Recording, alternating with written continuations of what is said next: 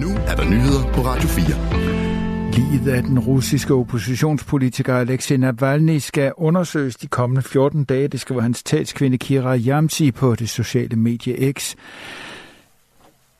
Her til morgen fortalte russiske efterforskere Navalny's mor og advokater, at årsagen til hans død endnu ikke er fastlagt, og at undersøgelsen af dødsårsagen forlænges. Til eftermiddag lyder det så fra Kira Yamsi, at der skal udføres en form for kemisk undersøgelse af livet. Jeg siger det igen, Navalny's lig bliver gemt for et skjulespor af drab. 14 dages kemisk undersøgelse af en åbenlys løgn og hån, skriver Yamsi.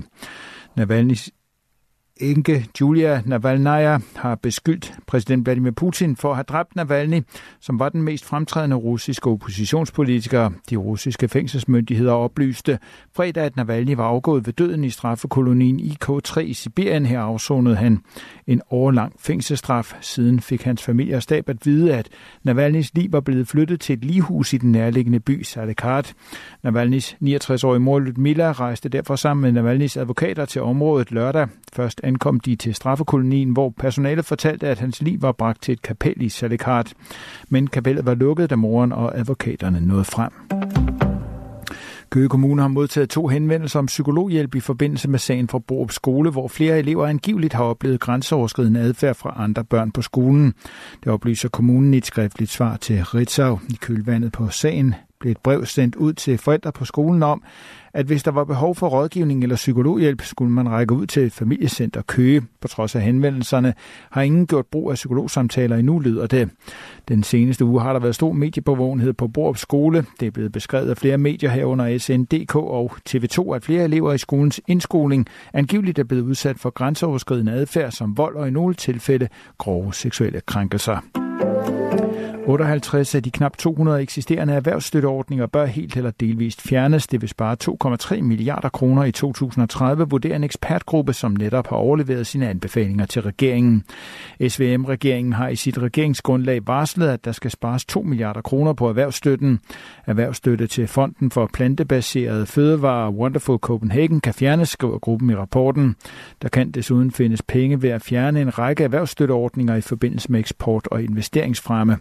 Eksport, ekspertgruppen anbefaler dertil at fjerne eller overveje at fjerne skattefritagelsen for løn ved arbejde ombord på skibe registreret i Dansk Internationalt Skibsregister. Det kan spare yderligere 1,1 milliarder kroner. De ordninger, der anbefales fjernet, er primært ordninger med et formål om at opnå en bedre samfundsøkonomi. Anbefalingerne går i mindre grad på ordninger rettet mod blandt andet klimamål. EU vil undersøge, om det sociale medie TikTok har overtrådt regler, der skal beskytte børn. Det skriver EU-kommissær for det indre marked, Thierry Breton, på det sociale medie X. Men der indleder vi en undersøgelse af TikTok over et formodet brud på reglerne for gennemsigtighed og forpligtelser til at beskytte mindreårige, skriver han. Kommissionen vil blandt andet undersøge, om platformens design og algoritmer er vanedannende eller skaber kaninhuller. Det fremgår af en pressemeddelelse fra EU-kommissionen. Derudover vil EU også undersøge TikToks privatindstillinger for mindreårige, om mediet forhindrer børns adgang til upassende indhold.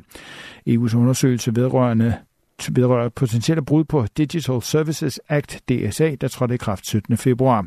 Med den nye lovgivning er det blevet et krav, at online-platforme håndterer forskellige risici. Blandt andet skal der gøres mere for at sikre brugernes mentale velvære og børns rettigheder.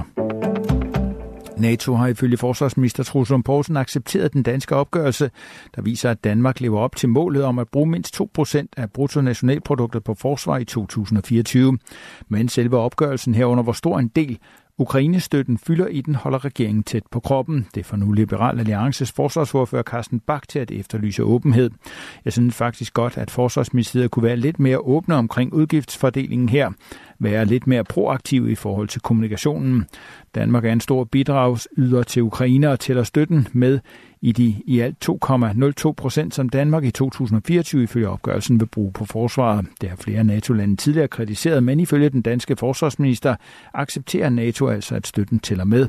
Det har været en diskussion om, at alene faste udgifter til forsvaret burde tælles med.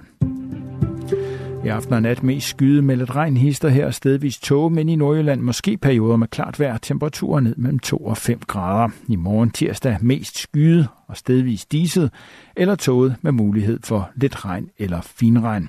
Vi får temperaturer i morgen mellem 5 og 10 grader og svag til frisk vind. Det var nyhederne på Radio 4 i studiet Thomas Sand.